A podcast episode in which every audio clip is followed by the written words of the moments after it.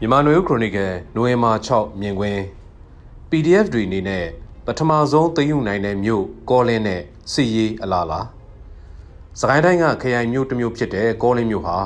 နိုဝင်ဘာလ6ရက်နေ့မနက်ပိုင်းမှာပြည်သူ့ကာကွယ်ရေးတပ်ဖွဲ့ PDF တွေအနေနဲ့ပထမဆုံးသိမ်းယူနိုင်တဲ့မြို့ဖြစ်လာခဲ့ပါတယ်။ရှမ်းပြည်မြောက်ပိုင်းမှာအော်တိုဘာလ29ရက်ကစတင်တဲ့139စစ်စင်ရေးလို့ခေါ်တဲ့စစ်စင်ရေးတွေကလို့မဆိုနိုင်တော့လဲ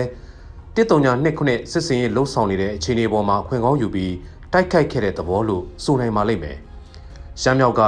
139ခွန်စစ်စင်ရေးမှာတော့ချင်းရွှေဟောနေဆက်မြို့ဖောင်းဆိုင်စတဲ့မြို့တွေကိုကိုးကန်လက်နက်ကိုင်တပ်ကတင်ယူခဲ့တာဖြစ်ပေမဲ့လည်းအခုကောလင်းမြို့ကတော့ PDF တပ်ဖွဲ့တွေကတင်ယူခဲ့တာဖြစ်လို့အမျိုးသားညီညွတ်ရေးဆိုရရဲ့အောက်က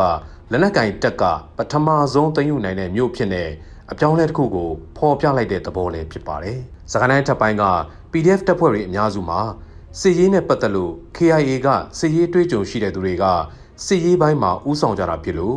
KIA နဲ့ PDF ပူးပေါင်းထားတဲ့လက်နက်ကင်အဖွဲ့အနေနဲ့အချို့ကဖော်ပြကြပေမဲ့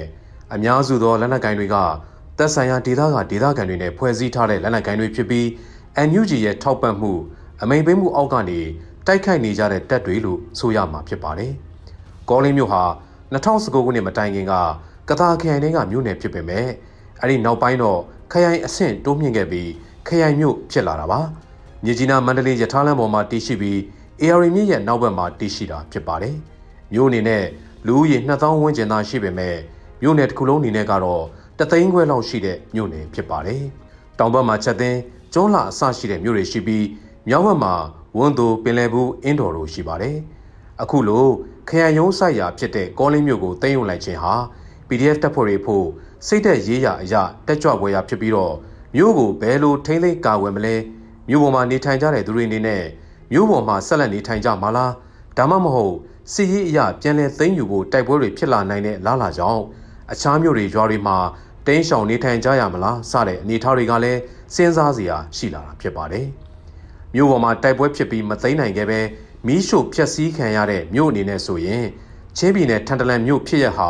စိတ်မကောင်းစရာနမူနာတစ်ခုဖြစ်ပြီးအခုကောလင်းမျိုးကတော့ PDF တွေသိမ်းယူနိုင်ခဲ့တဲ့နေသားဖြစ်ပြီးတိုက်ပွဲတွေအတွင်းအယက်သားအသေးပြောက်တော့တိတိကျကျမသိရသေးဘူးလို့ NUG PDF ဘက်ကသတင်းမီဒီယာတွေကိုပြောဆိုထားပါတယ်။နောက်တစ်ဆင့်အနေနဲ့မြို့ကိုထိန်းသိမ်းထားနိုင်ရေးစစ်ရေးအရာစီမံမှုကာကွယ်မှုတွေကအရေးကြီးလာမဲ့နေသားလည်းဖြစ်ပါတယ်။မြို့တွေကိုသိမ်းယူနိုင်ခြင်းကရန်သူကိုစိတ်သက်ရေးရအရာအသာစီးရတယ်လို့ဆိုနေမှာဖြစ်ပေမဲ့ဘယ်လောက်အရင်ကြီးတယ်လဲ မြို့တစ်မြို့ကိုထိန်းထားနိုင်ဖို့စစ်လက်နက်ရန်ရာဘာတွေလိုအပ်မလဲစတဲ့မိကုန်းတွေလည်းထွက်ပေါ်လာမှာဖြစ်ပါတယ်။စစ်တဲ့ရေးရအရနှွေဦးတော်လန်ရေးရဲ့အလှည့်ပြောင်းလို့ဆိုကြတဲ့အခုလိုမျိုးသိန်းတိုက်ပွဲတွေအတွက်လက်နက်အင်အားငွေကြေးအင်အားနဲ့စစ်ရေးမဟာဗျူဟာစတဲ့အရင်းအနှီးတွေရင်းနှီးထားကြရတာဖြစ်ပြီး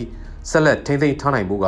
စိတ်သက်ရေးအရာအရေးကြီးတဲ့အချက်တစ်ချက်လည်းဖြစ်လာနေပါတယ်။နောက်တစ်ချက်က